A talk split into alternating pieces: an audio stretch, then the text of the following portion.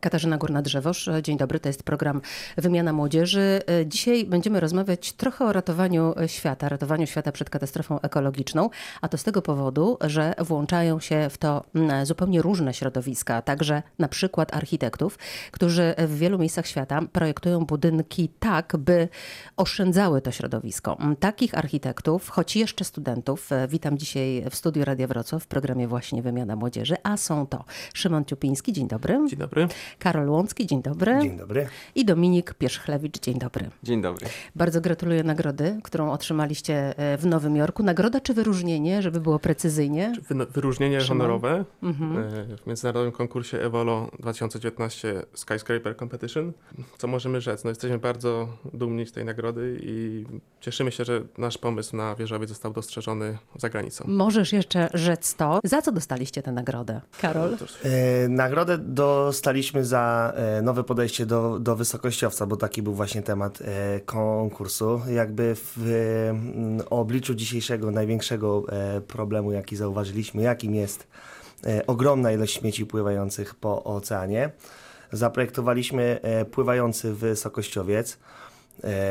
Który działa trochę na zasadzie spławika. Unosi się on w, na plamach śmieci i po prostu ma, ma za zadanie je na tym oceanie zlikwidować. Jak wielkie jest to wyróżnienie, to ja dodam tylko, że zgłoszonych było tam chyba prawie 500 projektów, Tak jest. a wasz znalazł się w wyróżnionej trzydziestce. I to są projekty z całego świata, także pozwolicie, że jeszcze raz wam pogratuluję. Dziękujemy. Duża rzecz. dziękujemy. Dlaczego zainteresowaliście się e, właśnie ekologią i budynkiem projektowanym e, w ten sposób, żeby chronił środowisko? Dominik. Jako ludzie, ale też właśnie przede wszystkim może jako architekci czujemy się trochę y, odpowiedzialni, bo jest nasz zawód y, polega trochę na kreowaniu w pewien sposób przyszłości, a zauważyliśmy, że nasza wspólna przyszłość, przyszłość ludzkości tak naprawdę nie maluje się w jakichś tam kolorowych barwach. Problemów na świecie jest teraz naprawdę dużo i tak naprawdę ich liczba y, rośnie, ale problem właśnie plastiku, który gromadzi się nie tylko w oceanach, ale właśnie na całym świecie, jest teraz taki no, palący. Jeżeli nie poradzimy z nim sobie w przeciągu kilkunastu, kilkudziesięciu lat, to po prostu nas najzwyczajniej w świecie przerośnie. Czy wy tę plamę oceaniczną e, śmieci czy też plastiku e, widzieliście gdzieś na własne oczy? Czy widzieliście tylko zdjęcia, e, Znaczy, pro- filmy? Znaczy zrobiliśmy dokładny research, właśnie rozpoczynając pracę Szymon. nad e, konkursem Evolo w listopadzie. E, Usiedliśmy razem i przeanalizowaliśmy główne problemy, z jakimi boryka się teraz ludzkość na świecie i właśnie wtedy z perspektywy listopada e, zeszłego roku problem e, plam śmieci, plastiku dopiero można powiedzieć raczkował tak, w, e, w opinii publicznej i wydaje nam się, że właśnie fajnie e, udało się wstrzelić w tę tematykę, zwłaszcza teraz w roku 2019, kiedy wchodzą nowe dyrektywy Unii Europejskiej na temat właśnie obniżenia produkcji plastiku.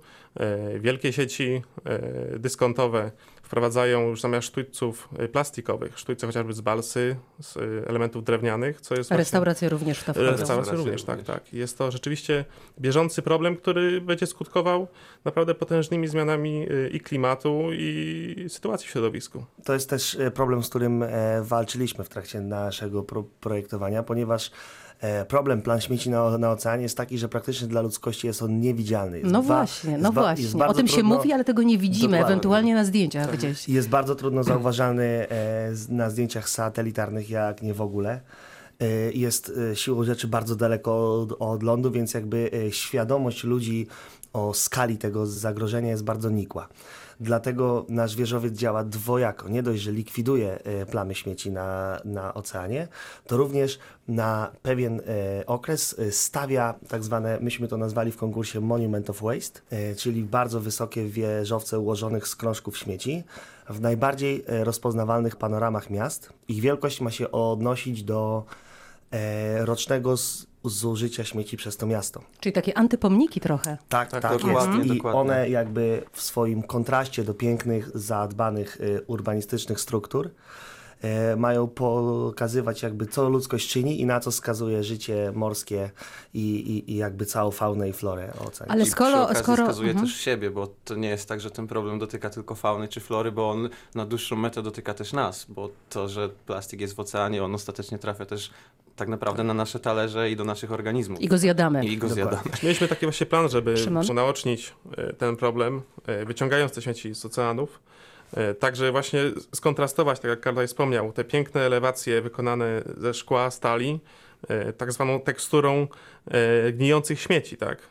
Ptaki, które obsiadują te wieżowce, gnijąca struktura o bardzo nieprzyjemnym zapachu.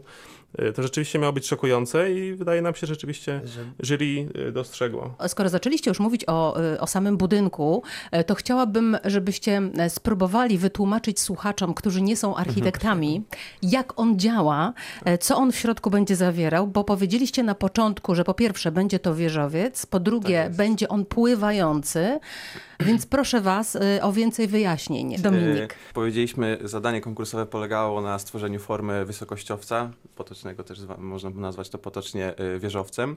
No i też taka była jego forma. To tak, tak jak Karol wcześniej wspomniał, tak można go bardzo prosto, ten, ten nasz obiekt porównać do spławika, który unosi się zawsze na wodzie. E, On ma takie specjalne, jak łodzie podwodne, e, komory powietrzne, które pozwalają mu utrzymać się na powierzchni.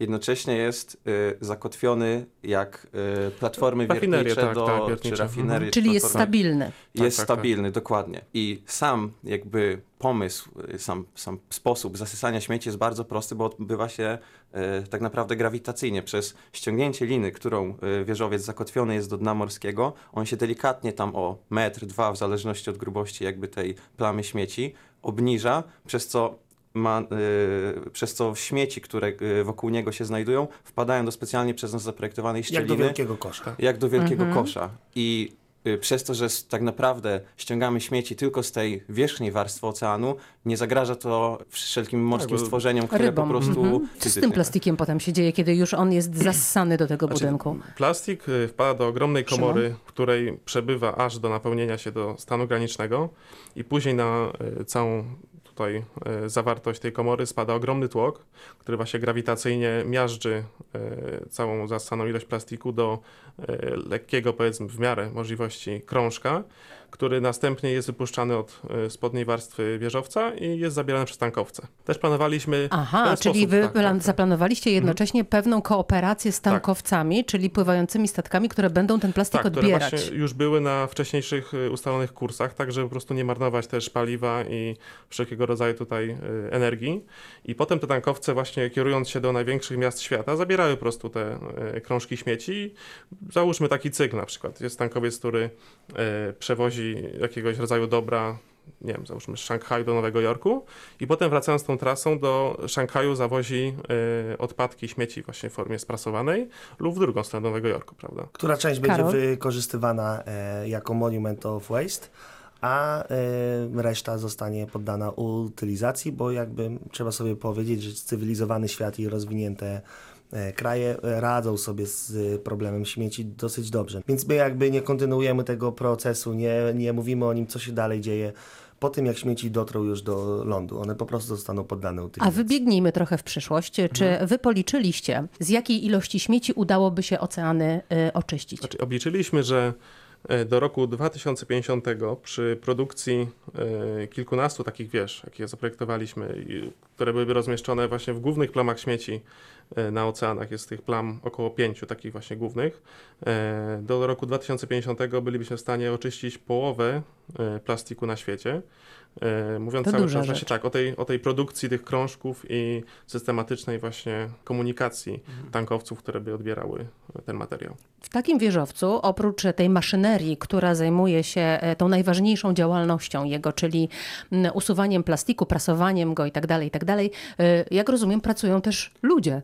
Tak i Dominik. y, chcieliśmy jakby w, tym naszym, w tej naszej strukturze zawrzeć jak najwięcej funkcji, które mogłyby pomóc czy ratować środowisko. Dlatego oprócz obsługi, która zajmuje się tylko tak naprawdę jakąś konserwacją y, tego, powiedzmy, całej tej technologicznego zaplecza, umieściliśmy też y, w naszym wieżowcu pomieszczenia, w których y, znajdują się laboratoria dla biologów morskich, którzy w ogóle badają całe procesy y, i wpływ plastiku na życie w oceanie, bo tak naprawdę trzeba sobie powiedzieć szczerze, to nie jest proces do końca jeszcze zbadany i wydaje nam się, że taka struktura, która znajduje się, że tak powiem, w oku cyklonu, czyli na, właśnie na tych największych plamach śmieci, gdzie na, dzieją się najgorsze rzeczy, tam właśnie ci ludzie się powinni znaleźć, bo tam mają szansę, najlepszą szansę, najlepszą okazję, żeby ten problem zobaczyć i zbadać go z bliska po prostu. Czyli byliby naukowcy, którzy badaliby e, wpływ śmieci na, e, na wodę, na środowisko. Tak. Oni musieliby tam mieszkać, czyli mieliby tam swoje mieszkania także. Tak, mieliby mieszkania, mieliby nawet e, Siłownie, siłownie, tak. Też zaplanowaliście medyczne, to? Tak, tak.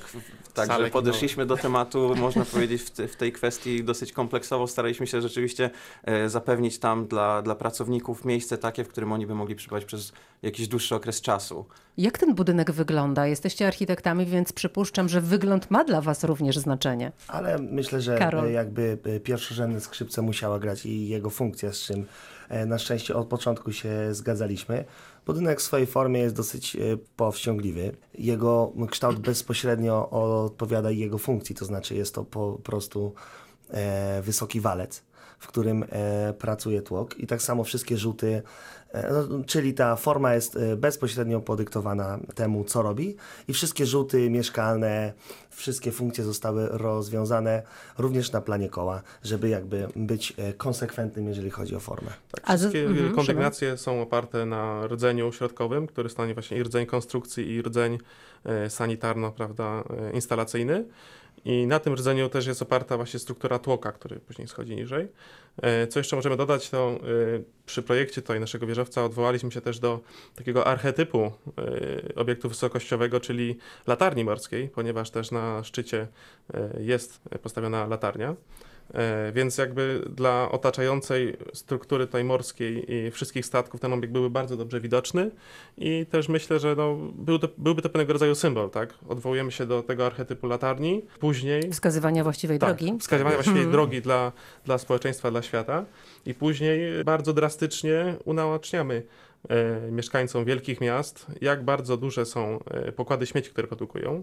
Jakby zwracamy to, co do nich wcześniej należało, prawda? Uświadamiacie to jedno, Tak, ale z drugiej strony realnie dajecie szansę, możliwość stworzenia czegoś takiego, co ten świat z tych e, śmieci oczyści. Brzmi to e, no, nieprawdopodobnie i fantastycznie. Pytanie, to nie jest science fiction, to nie jest tak, że wy coś wymyśliliście i tego się nie da zrobić. To się da zrobić, tak? Karol. Pewnie by się dało, tylko chciałbym jakby zaznaczyć, w czym jesteśmy zgodni, że ten konkurs nie był konkur- konkursem o wymyślenia nowej technologii, która uratuje świat. Co nam na szczęście e, się udało, był o tym, żeby rozpocząć e, dyskusję i uświadomić ludzi, co się właśnie dzieje na temat tego, jak ogromny jest to problem.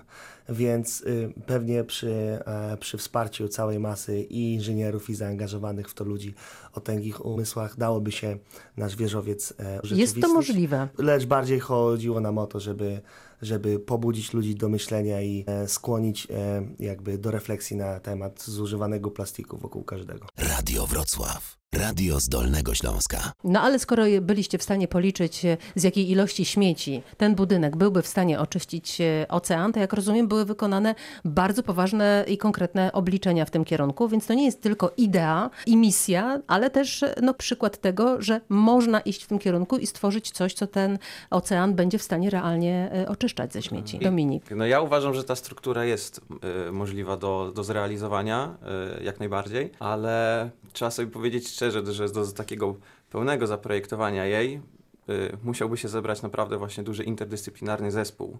Y, właśnie inżynierowie, y, ci wspomniani wcześniej naukowcy, biologowie i tak dalej. Musieliby też nam, my oczywiście przeprowadzaliśmy jakieś wywiady z różnymi ludźmi, y, zbieraliśmy właśnie y, tak zwany research, y, I szukaliśmy... ten research co pokazał? Oni potraktowali to właśnie jako trochę science fiction, czy myśleli fajny pomysł, może rzeczywiście dałoby się coś w tym obszarze zrobić? Nie, zdecydowanie spotkaliśmy się raczej z, z, z tą drugą kategorią osób, która była właśnie bardzo tym zainteresowana, wykazywała chęć pomocy nam. I tym osobom chcielibyśmy może od razu w tym miejscu podziękować. I były to właśnie osoby tak naprawdę z, z różnych środowisk, często zazwyczaj niezwiązanych z architekturą i nawet niezwiązanych z plastikiem w jakiś sposób profesjonalny, tylko zwykli użytkownicy, można powiedzieć, tego plastiku, którzy też nagle zdali sobie sprawę, że oni w swoich życiach mogą, mogą coś zmienić, żeby, żeby coś z tym problemem zrobić. Oni nam e, mocno pomagali. Tak wracając może do, do tematu, żeby ten wieżowiec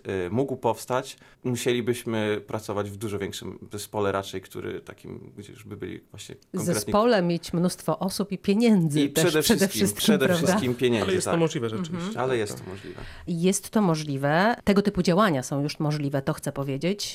Architektów, konstruktorów, którzy budują budynki, które już w tej chwili mają, e, nie wiem, oszczędzać energię, nie produkować e, śmieci. W którym kraju jest to bardzo mocno jakoś e, rozwinięte? Znaczy generalnie mówimy tutaj o Szymon. krajach skandynawskich, tak, Mhm. gdzie idea zrównoważonego rozwoju jest cały czas y, podtrzymywana w debacie publicznej i od zwykłych ludzi poprzez y, konstruktorów, architektów, inżynierów ten temat jest y, bardzo gorący. Co chwilę tak naprawdę słyszymy o y, nowych próbach stworzenia wieżowców, y, wyłącznie mówiąc tutaj o tej warstwie konstrukcyjnej, wieżowców drewnianych, oczywiście z jakimiś tam elementami fundamentów wykonanych w żelbecie, prawda, i innych elementach konstrukcyjnych, ale ten rdzeń konstrukcji stanowiłaby konstrukcja drewniana. No i jak wiemy, w sytuacji, kiedy możemy jak najwięcej tych drzew zasadzić i byłby to pewnego rodzaju sam recykling tego materiału, tak, czyli ten cykl y, żywota, y, konstrukcje drewniane powinny naprawdę y, odnieść y, bardzo spory sukces w przyszłości architektury, jak też konstrukcje z papieru, na której możemy Mhm. powiedzieć, już mamy pewnego rodzaju doświadczenie poprzez y, współpracę z doktorem Jerzym Młotką, którego serdecznie teraz pozdrawiamy. I który też gościł Tak w programie Tak, Wymiana Młodzieży, więc też dokładnie. e, pozdrawiam i chwalił się rzeczywiście swoimi e, papierowymi konstrukcjami. To ja może skorzystam Karol. szybko e, z okazji i zapraszamy w pierwszej połowie czerwca na otwarcie naszego papierowego e, pawilonu wolności, który jest e, postawiony, żeby świętować 30-lecie wolnych e, wyborów. Będzie stał on na osi profesorów Politechniki Wrocławskiej. E, Zapraszamy na nasz fanpage na Facebooku Pawilon Wolności. Pawilon jest w pełni e, recyklingowalny, więc postoi dwa tygodnie i później, e, mamy nadzieję, szczęśliwie zniknie. No i po tym zaproszeniu wróćmy do tych budynków, które są już w tej chwili projektowane i wykonywane po to, żeby chronić środowisko. Wspomniał Szymon, że Skandynawia tutaj wiedzie prym, że tam rzeczywiście bardzo mocno kładzie się nacisk na to, żeby te budynki mm, były takimi budynkami, u nas się mówi inteligentne, tak? Czyli żeby one no, oszczędzały energię. A konkretnie w kilku punktach, gdybyście mogli mm, wytłumaczyć ludziom, którzy nie wiedzą, jak takie budynki działają, co one oszczędzają, czyli co one mają, czego zwykłe budynki nie mają. No ja w pierwszej kolejności Karol. chciałbym powiedzieć, że rozpoczęcie procesu jakby budowy e, ekologicznego domu nie powinno e, zaczynać się od e, instalowania szeregu skomplikowanych systemów kierowanych smartfonem, a raczej powinno zacząć się od, od miejsca, w którym budynek jest budowany, to znaczy, żeby korzystać z lokalnych źródeł, z materiałów budowlanych lokalnie produkowanych, e, z materiałów, których dostarcza nam e, natura, które dobrze w tym miejscu funkcjonują.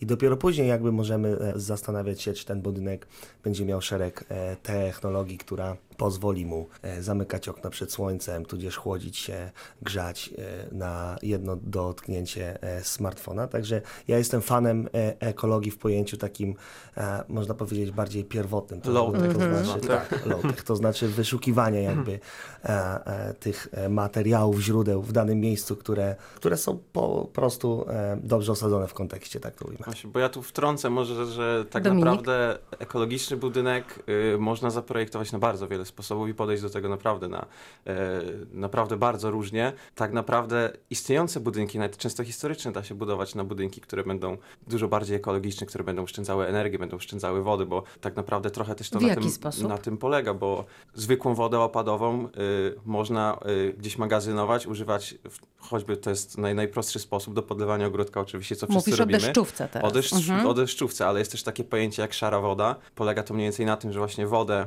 Z pralki? Y, z pralki, czy też na przykład y, z umywalki magazynujemy i używamy jej na przykład do spłukiwania y, toalety. Mhm. I, I jest, to, jest to właśnie taki zabieg, który tej wody tak naprawdę w skali jakiejś rocznej, czy w skali kilku lat potrafi zaoszczędzić bardzo dużo, a woda to nie jest, to nie jest tylko zasób wody, bo to jest energia, którą potrzebujemy na jej, na jej oczyszczenie, na jej doprowadzenie, instalację.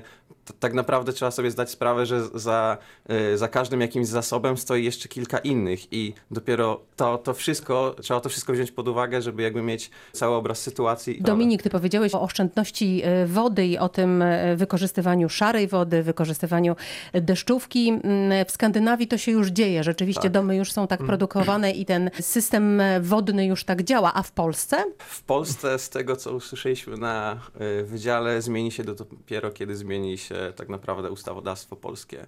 Kiedy, jak to jeden z naszych profesorów zażartował, zostanie wprowadzony podatek od deszczu, wtedy ludzie po prostu zaczną zwyczajnie magazynować wodę, żeby Mhm. za to nie płacić, a zyska na tym tak naprawdę y, środowisko. Oczywiście to się można kłócić, czy, czy podatek od deszczu jest najlepszym rozwiązaniem, może da się jakby wywrzeć wpływ na społeczeństwo w inny sposób, znaczy na pewno się da, ale, ale właśnie obecnie jakby polskie prawo i, i jakby świadomość społeczna mam wrażenie, że nie, nie zachęca ludzi, nie buduje w nich tej świadomości. No chciałbym- ale z drugiej strony mamy już bardzo, e, myślę, w świadomości mocno e, istniejącą energię ze słońca, prawda? I Tak, ludzie jest coraz częściej już z tego korzystają. Bardzo ważny Mhm, też Szymon. y, problem jest właśnie kwestia energetyczna i jak możemy wykorzystać y, kontekst działki, kontekst otoczenia do tego, żeby tą energię bardziej magazynować y, niż samą ją produkować. Na przykład stosując przeszklenia od strony południowej i dodatkowo sadząc drzewa właśnie w tym pasie południowym w sytuacji, kiedy projektujemy tak budynek zorientowany, jesteśmy w stanie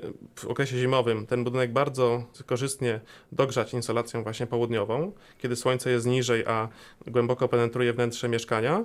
Natomiast y, w okresie letnim, kiedy słońce jest wysoko i ta zieleń, która właśnie już po, po zakwitnięciu y, swoimi liśćmi stanowiła, stanowiła pewnego rodzaju bufor dla tego słońca, y, skutecznie by właśnie zasłaniała od nadmiernego przegrzewania i też powinniśmy się na tym skupić, tak? Nie tylko technologia, nie tylko y, systemy czysto, prawda, właśnie retencyjne, tak, wody mogą wpływać na tą ekologię, ale też samo podejście do projektu i właśnie... Czyli co i gdzie budujemy. To jest e, Kontekst jest bardzo ważny. Bardzo istotne. Słuchajcie, no a czy przeciętny mieszkaniec przeciętnego bloku e, we Wrocławiu, czy też w każdym innym e, polskim mieście może oszczędzać środowisko na własną rękę? Najprostszym rozwiązaniem są zawsze rośliny, bo trzeba Tak. sobie zdać sprawę z tego, że rośliny zmieniają ten mikroklimat, więc jeśli ktoś ma na balkonie e, roślinę, która właśnie magazynuje wodę, to dodatkowo ta roślina zacienia budynek, ten budynek się nie przegrzewa, potem nie musimy włączać klimatyzacji, sztucznie się chłodzić wiatrakami i tak dalej, więc często te bardzo proste rozwiązania, typu właśnie zwykłe rośliny doniczkowe postawione gdzieś na balkonie w lecie, e, mogą dać bardzo dobre efekty. Warto sadzić bluszcz, jednym słowem. Warto sadzić Oczywiście. E, Wróćmy na chwilę, bo już zbliżamy się do końca do waszej nagrody. Jak to jest tak pierwsza taka ważna nagroda dla was? Znaczy w tej skali myślimy, że Myślę, że tak. tak. tak. Jak ją Znaczy- przyjęliście? Przyjęliśmy euforycznie, to trzeba przyznać. Każdy z nas wrócił do domu tej nocy późno, to trzeba przyznać. Ale nie ukrywamy, że, że udało nam się osiągnąć sukcesy w mniejszych ogólnopolskich e, konkursach, ale w tej skali e, to jest nasz pierwszy raz. Mamy nadzieję, że nie ostatni. A co jest waszą ambicją, co jest waszym marzeniem? Em, projektowanie właśnie takich ekologicznych e, budynków? Czy mi się wydaje, że Dominik. projektowanie ekologicznych budynków nie jest przyszłością, tylko jest naszą Koniecznością. koniecznością. Tak. Dokładnie. E, Wydaje mi się, że czas, kiedy mogliśmy, przepraszam, tak bezrefleksyjnie budować to, co nam się podoba, już minął jakiś czas temu. Tak naprawdę przegapiliśmy prawdopodobnie ten moment i teraz powinniśmy się bardzo mocno zastanawiać nad każdym projektem, jak wcielić w życie właśnie jakieś idee ekologiczne, sprawić, żeby ten budynek był żeby oszczędzał energię, żeby oszczędzał wodę, żeby jego koszta budowy były jak najniższe, żeby, żeby sam właśnie to, o czym Karol wspomniał, transport na budowę był jak najkrótszy, żeby spalić najzwyczajniej w świecie jak najmniej paliw kopalnych, Mhm. które Też są ważne w tym aspekcie jest korzystanie z lokalnych materiałów, prawda? Bo e, Dokładnie. często sprowadzanie materiałów egzotycznych do, do naszego klimatu no jest, Kamienia jest, jest bezsensowne. Mhm. Tak? Generalnie mamy, mamy bardzo dobrą tradycję e, ceglarską, e, obróbka jakaś Drewnianą też. Drewniana Drewnianą oczywiście. też. I z tego powinniśmy korzystać. Tak? I też w kontekście właśnie tej zabudowy lokalnej, gdzie niestety no, często się przejeżdża przez mniejsze miejscowości, w których coraz częściej dominuje prawda, styropian,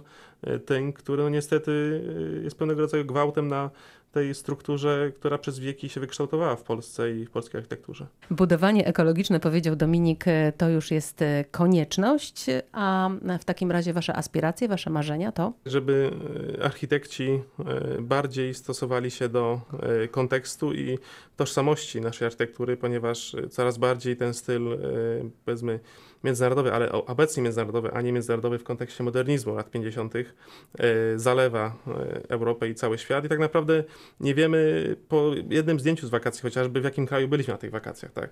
Jedynie stare urbanistyczne struktury miast włoskich czy może greckich są rozpoznawalne, ale te wszystkie kraje y, rozwijające się tracą na tym, że stosują właśnie tanie materiały. To budownictwo jest nieszczere. A skoro powiedziałeś o takim umiędzynarodowieniu i tożsamości, to jeszcze na koniec zapytam, skoro wy już jesteście znani na międzynarodowej arenie, to e, wiążecie swoje plany e, z budowaniem w Polsce czy budowaniem za granicą? Dominik. Ja zdecydowanie ch- chciałbym, jakby wiąże swoją przyszłość z Polską. E, Nie mówię po studiach, chciałbym e, odbyć jakiś staż za granicą, e, żeby zobaczyć właśnie Jak to się tam robi? jak to się, jak to się tam robi i, i spróbować potem gdzieś przenieść to na, na, na polski grunt. Szymon? Y, Ja tak samo. Generalnie uważam, że powinniśmy próbować praktyk za granicą, czy na uniwersytetach w ramach też powiedzmy wyjazdów Erasmus, czy praktyk zawodowych, ale jednak powinniśmy wracać do kraju po jakimś czasie odbycia tych stażów i zdobycia nowej wiedzy. Karol, podobnie? E, Ja miałem mm, ogromną przyjemność pracy e, w Szwajcarii przez e, pewien moment i, i muszę szczerze przyznać, że marzę, żeby tam wrócić tuż po studiach. I tu chciałem wystąpić z takim apelem, nawiązując do, do tego, co mówi Szymon, że ja bym bardzo chciał pracować w kraju, tylko prosimy tych, którzy nim rządzą, żeby stworzyli nam grunt do tej pracy tutaj i to by było wtedy świetnie. Szymon powiedział, że mamy bardzo zdolnych ludzi w tym kraju i takich bardzo zdolnych ludzi właśnie gościłam w programie Wymiana Młodzieży. Bardzo pięknie Wam dziękuję. Dziękujemy. Gośćmi byli Szymon Ciupiński, Karol Łącki, Dominik Pierzchlewicz. Katarzyna Górna-Drzewoż, dziękuję. Zapraszam za tydzień.